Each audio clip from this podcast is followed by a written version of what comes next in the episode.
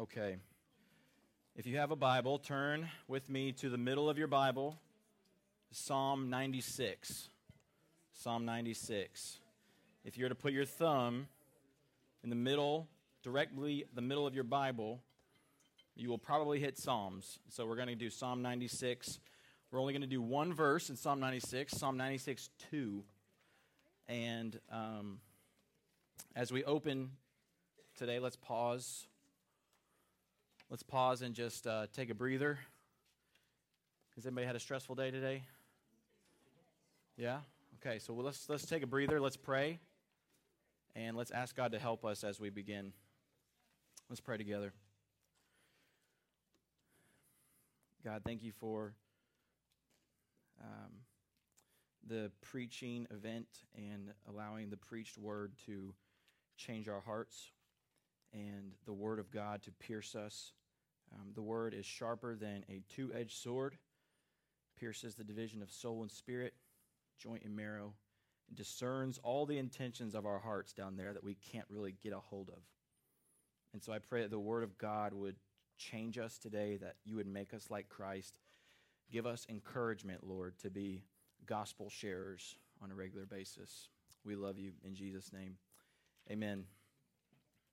So, um, without losing, um, try not to react hoop and holler, but um, so on Sunday we had a tragedy, right? So, Kobe Bryant and his daughter died suddenly, um, and um, it it shook the world. I mean, literally. I, you guys may not be nearly as affected by Kobe Bryant dying because you didn't. Um, many of you didn't grow up watching him play basketball, but he had this transcendent effect on all of sports. Um, he was this family man. He was known for loving his daughters. He had four daughters, and um, his 13 year old daughter and he, along with seven others, died in a sudden helicopter crash on Sunday morning. And um, it was it is strange how someone you don't know can affect their death can affect you and rattle you. And I've been trying to figure this out for like three days. Like, why am I so affected by this? And I don't know if I don't know if you have felt the same way or not. Uh, I know many of the adults have felt the same way, especially some of the guys that watched Kobe play basketball. He was one of those players that you would turn on Laker games, and you didn't even like the Lakers, but you wanted to watch Kobe play basketball. And um, so it just was it was just a very sudden thing, and without going into the sorrow of all of the ins and outs of that, um, what that moment um, reminds us of is that life is over in a moment. He was 41 years old and his daughter was 13. They were doing something that they always did, and um, they were flying for her to play a basketball game. And they had plans Sunday, and they did not expect life to end when they woke up Saturday, Sunday morning. And it's just a reminder that life ends when God decides it ends, and it's over. And your life, and your friend's life, and your parent's life, and your family member's life, it can end in a moment. In a moment. You're not expecting to die, but it does happen to every single person.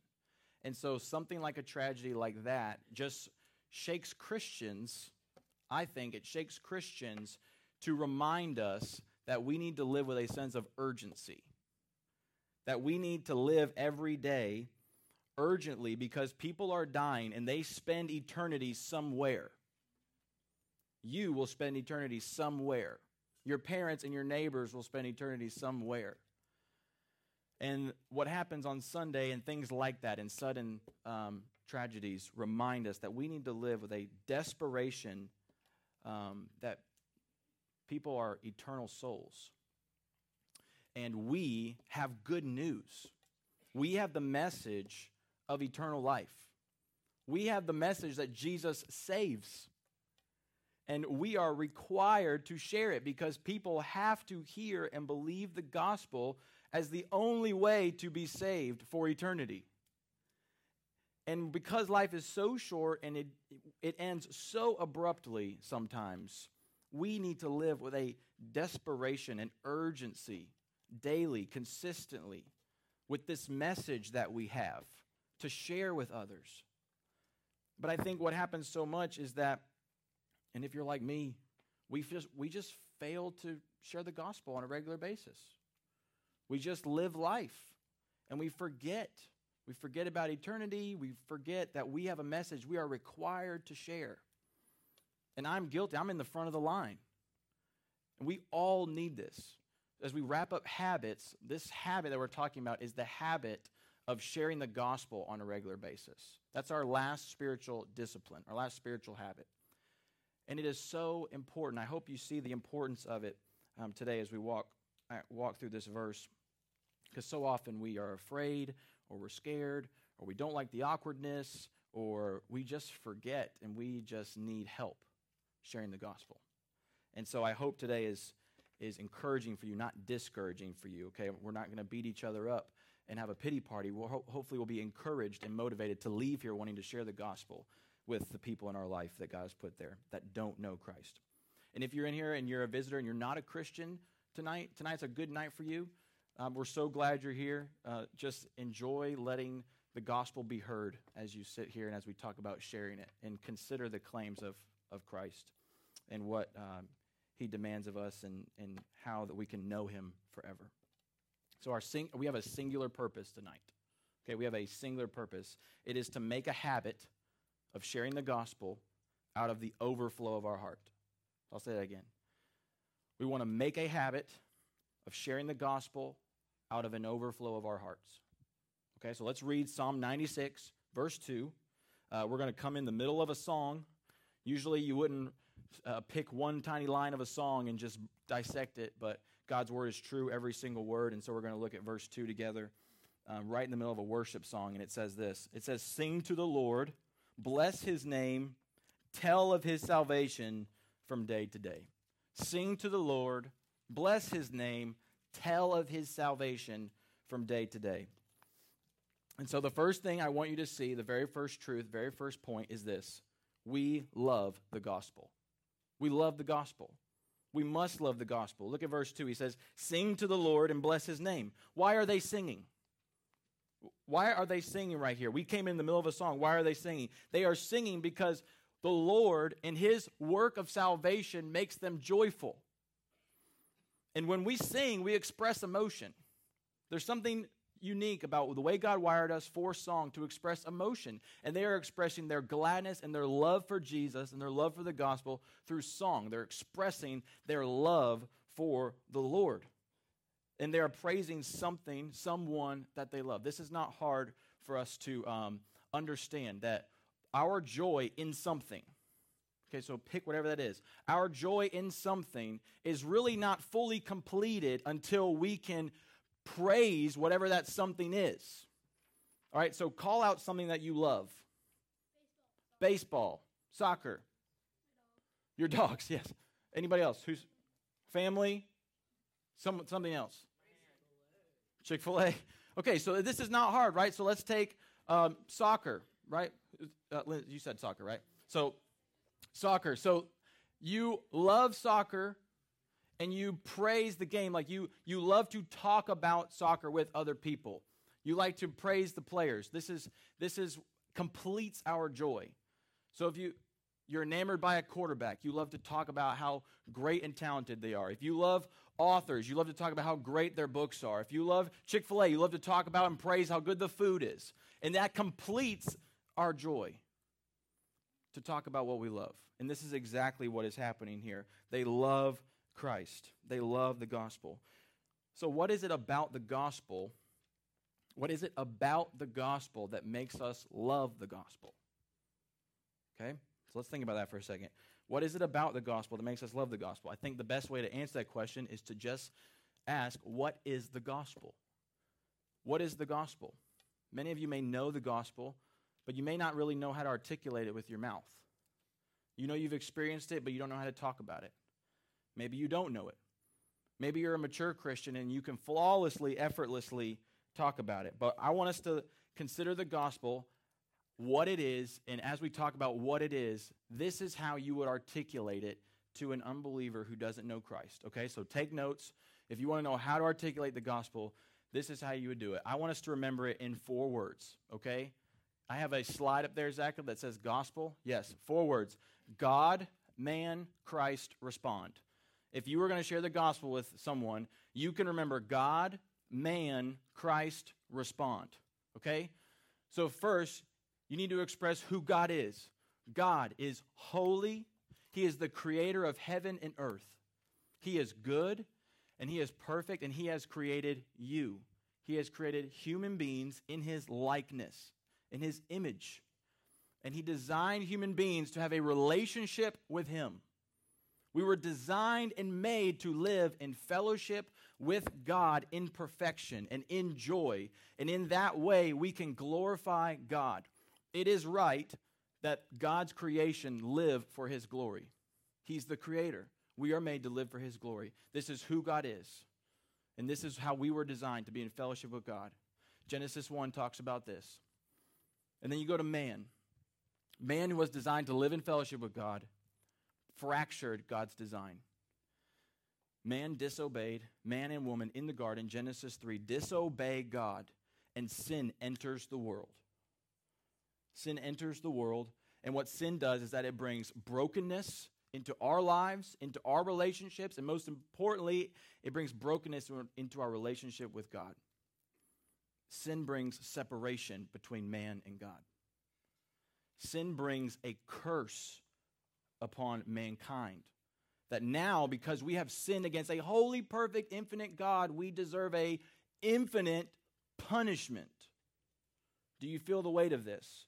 When you share the gospel, do not, do not shy away from what we deserve. We deserve punishment and wrath because we have offended and rebelled against a holy God who loves us. This is what man has done. In these verses, Romans 3.23 and 5.12, I've put them there for you so you can go and look at them later. But talks about how all have sinned and fall short of the glory of God. How sin brings death into the world. That because people die, it's because sin, the curse of sin is on us. So we have a problem. We have a sin problem that keeps us from knowing God, who we were designed to live in a relationship with. Well, in comes good news. That's bad news. Now we have good news. Here comes Christ. And Christ is our, what we like to call our substitute.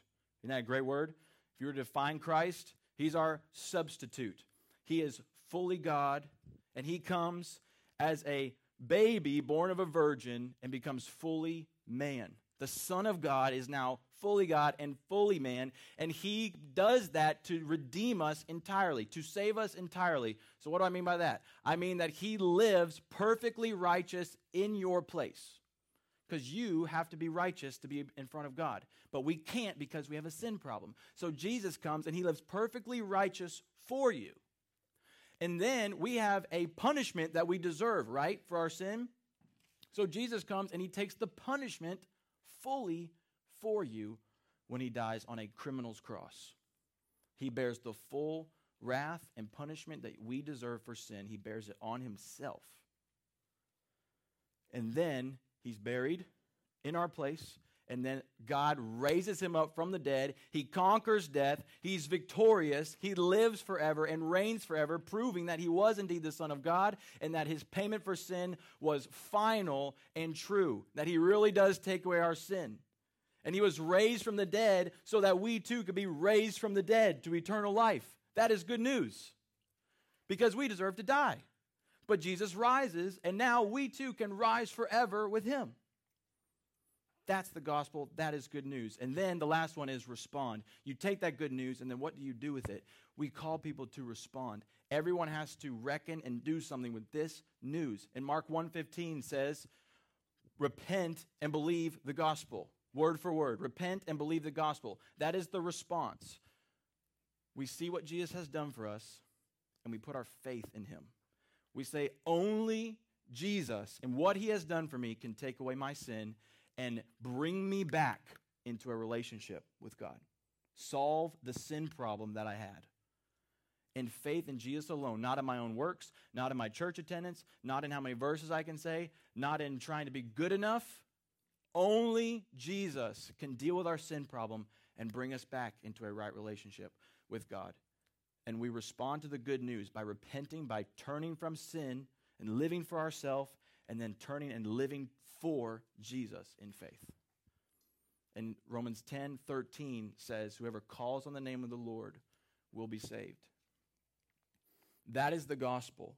And we say that because that's why we love it, because that's good news. That's reason to rejoice every single day, students. The gospel is not something you do one time and it's over. The gospel is not a one and done, like freshmen and college basketball players that go to the NBA. The Gospel is not one and done. It's not something you did, and now you're left to work hard to live out your salvation in your own strength. You live and walk in the gospel. When you trusted in Jesus, that was the beginning of a life of joy and a life of faith in Christ. Because at this moment, at this moment, the Father loves you totally. Because the gospel is over your life today. At this moment, God is with you completely, always, no matter where you go and how you stumble. God is with you totally because the gospel has given you the Holy Spirit when you trusted in Jesus. At this moment, think about what you have done today and how you have sinned recently. Okay? Every time that you valued something over Jesus, in that moment, you deserve to die. In that moment, you deserve to die. And instead, because of the gospel over your life continuously, your sins are forgiven of past, present, and future, which means that right now, today, when you sinned, Jesus didn't call it quits on you and leave you. Instead, he looked at you and said, Mercy, mercy, mercy, mercy. You are my adopted child of God, and I am going nowhere. That is reason to sing and rejoice and love the gospel. You say, Mark, I thought we were talking about sharing the gospel. Yes, we are, but you can't share the gospel if you don't love the gospel. In fact, you just won't share the gospel if you don't love the gospel and what God has done for you to save you. And if you're not a Christian and you heard that for the very first time, the best part about Jesus, you want to know the best part about Jesus? Is that if you want him, you can have him. That's what I think is the coolest part. He's the creator of the universe, and he says, if you want me, you can have me. You just come to me and believe that I alone save you. And you can be restored in your relationship with God forever. So if you don't know Jesus, come to Jesus. He says, Whoever comes to me, I will never cast away. John 6, 39. That is good news. So, this is the gospel. We need to know it. Do you know Jesus, students? Many of you know Jesus. If you know Jesus, have you are you daily experiencing the joy of knowing Christ, the daily joy of walking in the gospel. I pray that you would. I pray that you would. That we have a deeper love for Christ. And when we do, we can finally share the gospel. So that brings us to our second point. We share the gospel.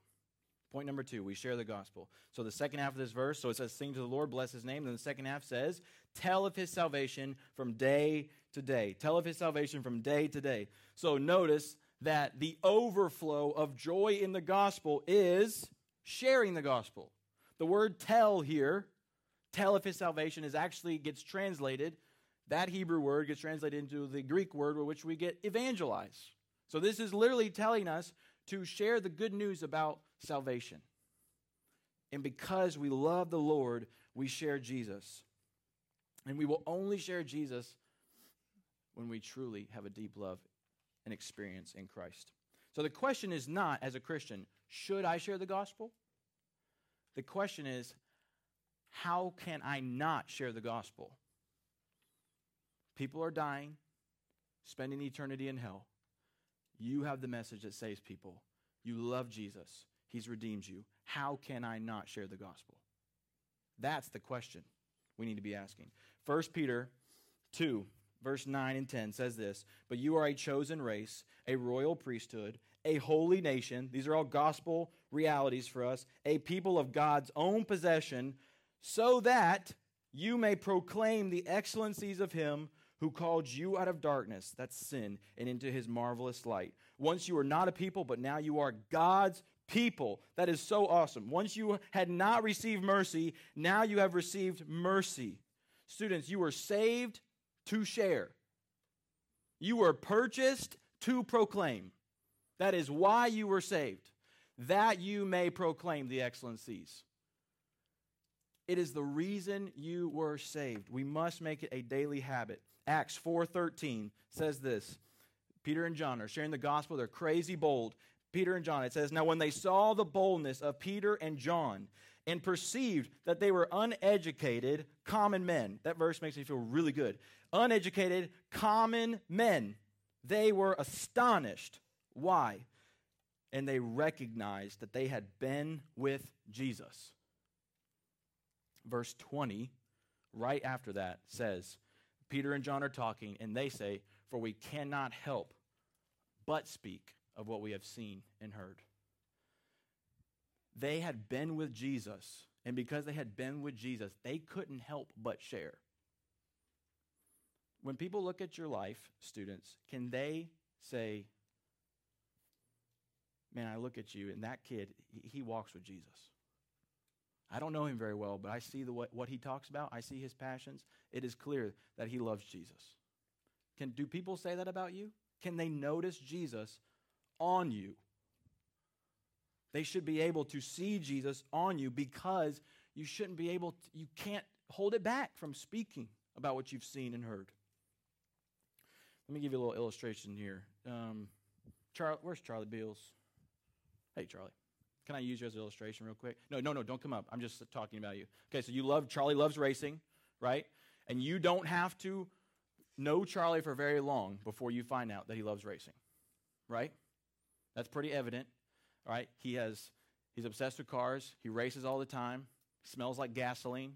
Yeah, wears his, wears his uh, championship jacket to church, right? And if you go up and talk to him, you start talking, it's probably not going to be very long before you get around to cars, racing, and stuff that you may not even know about. But do you know why Charlie talks about racing? And you find out very quickly. Why is it? Because he loves it. Because he loves it. And it doesn't take very long to figure out that Charlie loves it and he loves racing. So if we've been saved for eternity, it should not take people very long to discover what we really love. They should look at our life and say, that kid has been with Jesus. That girl has been with Jesus. And they should see Christ and our love for him because we like to talk about Jesus. It's not hard for Charlie to talk about cars, it's not awkward for him. He doesn't get weirded out by it. He's very at home talking about cars. And yet, when we go to talk about Jesus, we get all weird and we get all awkward. And I get it, I feel it. Don't we? We get afraid. But it shouldn't be that way. It should not be that way. When you're asked why you live the way you do, if people can see Christ in your character and they ask you, why do you live like that?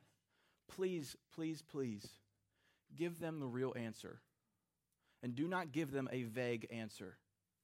Do not say, I go to church. You can get around to that. Do not say, I just want to be a good person. Do not say, this might sound controversial at first, but don't just say, I'm a Christian and walk away. Tell them why you live the way you do. Because you love Christ and because He forgave you of your sin. That's why you live the way you do. And you want to live your life for His glory. And you want to live your life so that people see Christ in you so that they can know this Jesus whom you love and that loves them. That's why you live the way you do. Tell them. Tell them. And don't be afraid about what comes.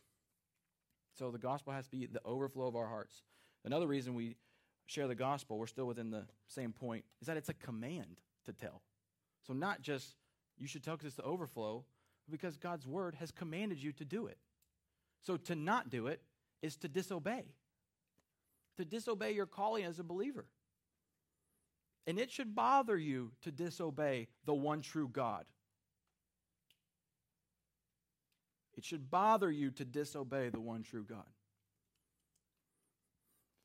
And we all do it. We need Jesus because we all disobey, especially in this regard. But we are required to tell of his salvation from day to day. The word tell is a command. I don't know if you've ever heard this phrase. It's been around for hundreds of years, literally, from a guy named Francis of Assisi. Yeah, that's the real that's the real name of his that's where he was from. Francis of Assisi, and he used to say this. He said, Preach the gospel always. When necessary, use words. Have you ever heard that or something similar? Preach the gospel always. When necessary, use words. What he means is your life, your life, your actions should always be preaching the gospel. And in that regard, that's a good intention, right? The only problem with saying, preach the gospel always when necessary, use words, is that it's not biblical. That's a big problem. Because to preach the gospel, you have to use words. The gospel is news. I heard a pastor say, What if someone said, broadcast the news when necessary, use words? Okay, well, you can't share news without using your mouth to speak. Now, your life should always back up your message. But to preach the gospel, to share the gospel, you have to use words and your mouth. You have to speak. Your life should be lived in such a way where it causes you to speak. But don't think you can stay silent. Your salvation is personal, but it is not private. You have a personal Lord and Savior, but you do not have a private Lord and Savior. You are a Christian above everything and you live every day to proclaim Jesus. It's a command to tell others. Romans 10, 14 and 15. I think we have this for the screen, don't we, right? Wonderful. It says, How will they, talking about unbelievers, how will they call on him whom they have not believed? And how will they believe on him who they've never heard? And how will they hear unless someone preaches to them? And how will someone preach to them unless they are sent? As it is written, how beautiful are those who share the good news, the feet of those who share the good news. You, you are called to share the gospel so that people will hear it with their ears and their hearts and believe and respond to the gospel and call out to Jesus for salvation. That's good news. We're called to tell people, still within the same point, we are called to tell others for at least three reasons. Okay? One, we are witnesses. So we're still within two, point number two. So we're telling others. We tell others for three reasons. We are witnesses. Acts 1 8 says that you are my witnesses. A witness is someone who articulates what they've seen and heard about their own experience. That's a witness. So when you became a Christian, you became a witness about what Christ has done for you. And it's an identity that you have. You will always be a witness to what Christ has done for you. Each one of you, each one of you has a story. Okay? Each one of you has a story. Every story is unique. Every story has ups and downs. Every story has sin. And if you are a Christian, every story has once I was a sinner and separated from God, and now I am a new creation in Christ, reconciled with God. Okay? You have that story, and you're a witness to that. You're a witness to that. So your story is not mere, do not merely say, I walked an aisle, and then you go on and talk about the rest of your life. That's not a testimony, students. That might have happened, that might have been part of it. That's not a testimony. Your testimony is, I was in sin and darkness, I didn't even know it. And one day Jesus opened my eyes to see that I was a sinner and I needed him to forgive me of my sins and bring me into a relationship with God. That's part of your story. And it can be articulated in a lot of different ways walking an aisle, calling out to the Lord in a prayer, whatever it is. But articulate your story that you are a witness of what Jesus has done in your life and what he's doing now. So you're a witness. That's one reason why we tell. You guys know a witness like if you were a witness of a car accident, for instance. Okay? So if you're a witness of a car accident, a police officer may come to you and say, Can you describe the scene for me, please? And you would have to describe everything that you saw, heard, felt, details. That's a witness, personal experience. Same is true about Christ. And no matter how hard that person tried to not be a witness, they were a witness. They can't help but be a witness. They watched it happen. So Jesus has made you a witness. Second reason we tell others is that we are ambassadors. Ambassadors, check this out. 2 Corinthians 5 17 to 20 20 says, Therefore, if anyone is in Christ, he is a new creation. Amen. The old has passed away. Behold, the new has come. All this is from God, who through Christ reconciled us, that's brought us back to God in a restored relationship, has reconciled us to himself, and gave us the ministry of reconciliation. That is, we have the task of proclaiming that God brings us back to him through Jesus Christ. We have that as a ministry. That is, God in Christ was reconciling the world to himself, not counting their sins or their trespasses against them, and entrusting to us the message, the message of reconciliation. Therefore, we are ambassadors for Christ. God making his appeal through us. We implore you on behalf of Christ, be reconciled to God. Do y'all know what an ambassador is? So, like a, a Chinese ambassador that lives in America, would represent the country of China to America. Okay? That makes sense? And so if we are called ambassadors for Christ, that means you represent Jesus here on earth. You represent him. So you must speak for him. God makes his appeal about the gospel through you. You are plan A. There is no other plan of God getting the gospel to people. You are it.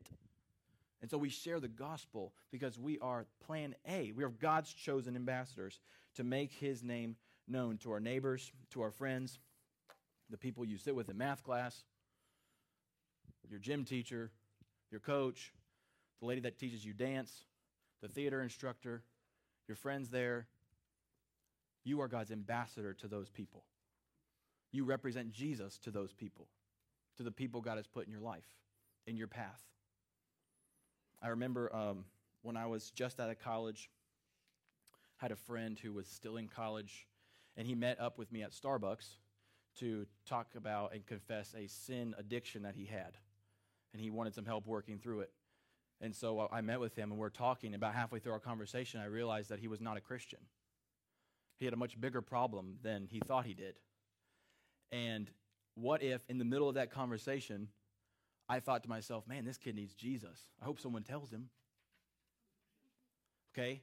God has placed me there with him. He's discussing his sin problem, and I am giving a divine appointment as Jesus' ambassador to share with this young man how he can have his sin forgiven by putting his faith in Jesus Christ. And a few minutes later, we started reading the Bible together, and I watched Jesus save him in front of me over coffee gave his life to Christ because God had placed me there as an ambassador for him to make his appeal to be reconciled back to God.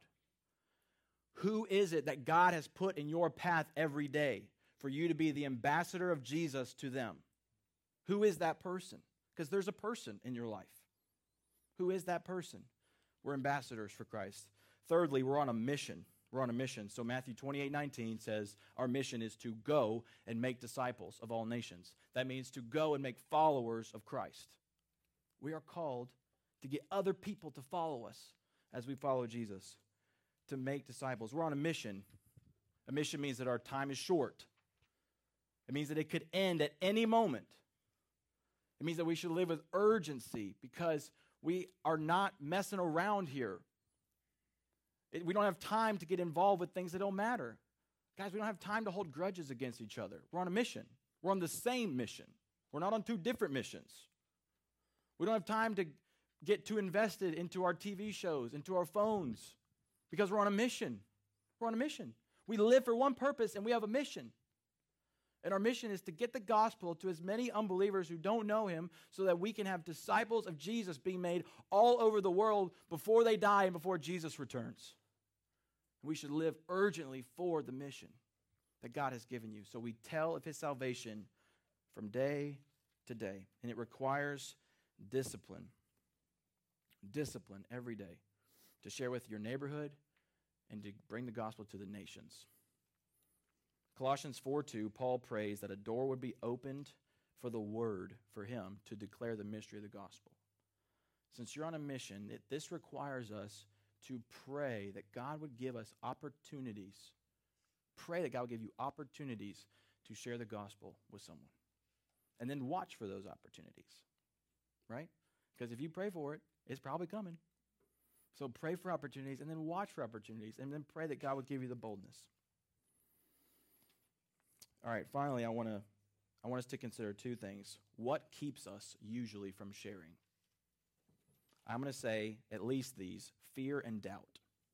And here's what I mean by that fear is that we are often afraid of all the things that could go wrong in sharing the gospel. We're afraid of the awkwardness it'll cause. We're afraid of how it'll affect the relationship that we're in. We're afraid we won't have the answers for their questions. We're afraid that they might hate us the rest of our life. We're just afraid of the awkwardness, I think, maybe more than anything in the world. We hate awkward situations. I do. I hate making things awkward. And there's not really an easy way sometimes to get to the gospel, and sometimes it can be a little bumpy and awkward. But you got to get there.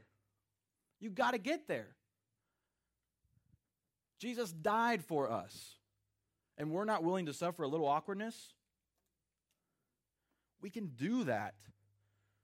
We can be hated. We can suffer. We can endure. Because God has called us to not be afraid. Sometimes we're afraid we don't know what to say. And if you're afraid you don't know what to say, can I give you some comfort? Matthew 10 19 to 20 says, Do not be anxious how you are to speak or what you are to say. Isn't that good news? For what you are to say will be given to you in that hour. For it is not you who speak, but the Spirit of your Father speaking through you. That is good news. So you get afraid of the situation in advance, but you don't need to be afraid. Because whatever comes out of your mouth as you trust the Lord is going to be the Spirit of your Father speaking through you. And you can trust that promise right there. You do not need to be anxious. You need to speak. It doesn't matter if you were saved yesterday or you were saved 15 years ago. You need to go on speaking because Christ will speak through you. He will speak through you. So we don't need to be afraid. We don't need to doubt, also. This is the second thing. We often doubt the power of the gospel. I do. We feel like we have to make the gospel persuasive. We do not have to make the gospel persuasive. The gospel itself has the power to save in the message. Romans 1:16 says, "I am not ashamed of the gospel, because it is the power of God for salvation for all who believe, first the Jew, then to the Gentile." It is the power of God. When you speak the gospel, do you really believe that you can trust Romans 1:16 and throw your life on it? that it has the power to save. And you know what? If they reject you, it's fine because it's not up to you to save a person. It's up to you to be faithful and obedient to share. Because if God wants to save that person, he will through the power of the gospel. And so your job is to just articulate the message like we shared earlier and trust that it has the power to save. So, students, we do not need to be afraid. We don't need to doubt. We can trust the gospel we can live on mission. We can be bold. We can be courageous. And we can ask Jesus for help. All right, finally, as we, as we wrap things up here, I want to give you a couple practical tips for sharing the gospel, okay? I don't want to leave you without giving some practical pointers for sharing Christ. And then I want to show you something that we're going to uh, start doing.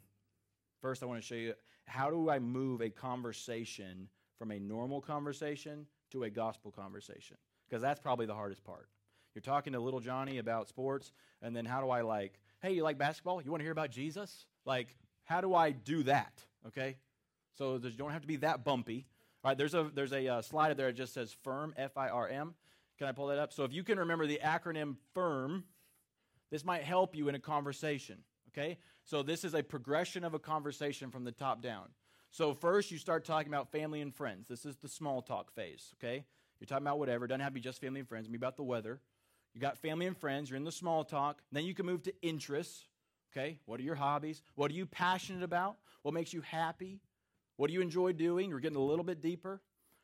All right, then you move from interest to the real stuff, what they perceive to be religion. Okay, I say what they perceive to be religion on purpose. Okay, because that's how we get to start talking about faith, church, beliefs, backgrounds. How do I get from I to R? I think you can ask a couple good questions. To get from I to R is the hardest part. You can ask them, if they're, you're in the interest phase, you can ask them this question What do you like to do on the weekend? And then they tell you. And then you get to tell them what you do on the weekend. part of what you do on the weekend, for most of you, is you go to church. So now you have just moved from I to R. Congratulations. You did that pretty seamlessly. All right, so now you're in the church phase, and you can start asking them questions like, What do you uh, like about church? Do you visit a church? If you do, where do you attend? You're in the conversation. You can say, What are your thoughts about people that go to church? And they might say, Oh, they're a bunch of hypocrites. And now you're in, right? Now you're in. You're in. You did it. You're in the conversation. You made it. And one thing you can do is you can stop and ask them, What is your story? What is your story? Because they got a lot of baggage and they will probably not mind telling you. And you can sit there and listen. And as you're listening to the story, you can figure out okay, where does Jesus interject into the pockets of their story? And then when they stop, you can ask them pointed questions and be able to insert how Christ meets that need. And you can share your story. If you, they've shared your, theirs, then they'll probably let you share yours. And your story includes Christ and how he saved you. And M is the message, that's the gospel, which is what we talked about earlier. So firm. Remember that. Okay, um, without getting blasted by this.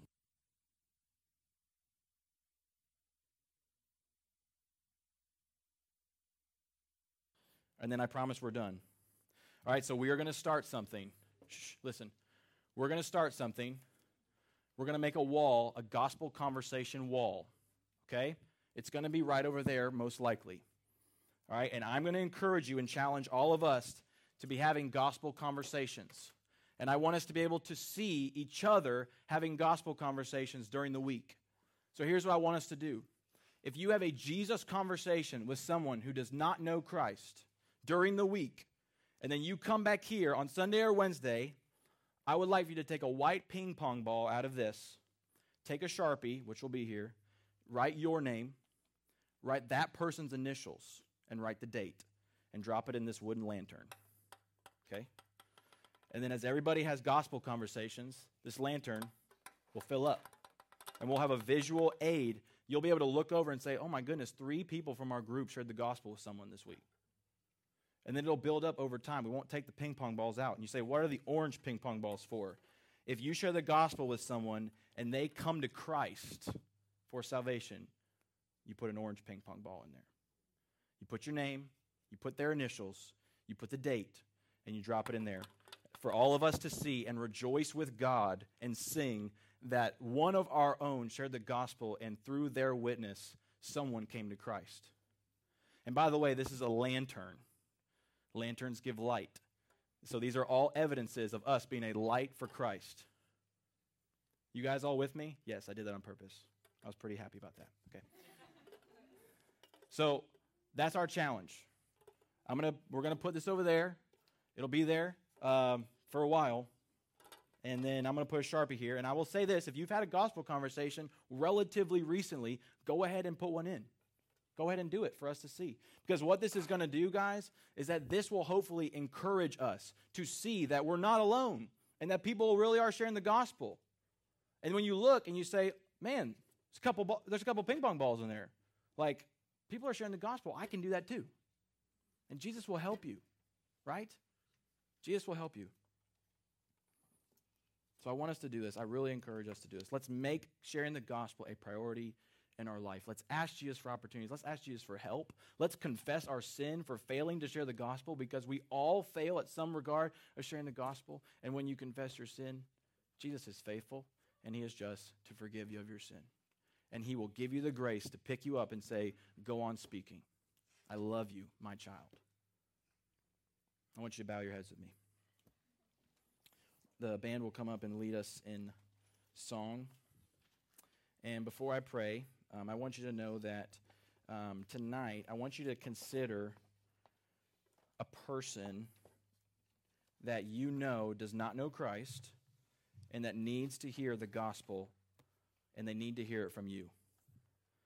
I want you to think of that person, get them in your brain, and when you are ready, as you are singing, I, I don't do this a whole lot, but we're going to use this up here, this, this area right in front of the stage as an altar. And if you have a person that you want to pray for, I want you to come up to the altar and pray for that person, for yourself, that you would share the gospel with them, and that you would be bold and ask Jesus to help you and dedicate that person to the Lord. And the band's going to play, they're going to start our worship song. And when you're ready and done, you can sing, but please be respectful and be reverent for people that are praying. If that makes you really uncomfortable to come up to the front, you are free to stay in your seat and pray. But I want us to do this and dedicate this time, all of us. How can we be mobilized and build a habit of sharing the gospel regularly? Let me pray for us. Father, you are good. You are a gracious God. You're the God above all gods. You have saved us for all eternity because you love us. And God, that makes us happy and we rejoice and we sing because we love you. God, may we not, may we not get tired of the gospel. And may it overflow out of our hearts to build a habit and a routine of being mindful that we too need to share the gospel and just trust you to share it. I know I do, and I confess my sin for failing often and missing opportunities. So, would you help us? Help us to dedicate this time to you. We pray it in Jesus' name. Amen.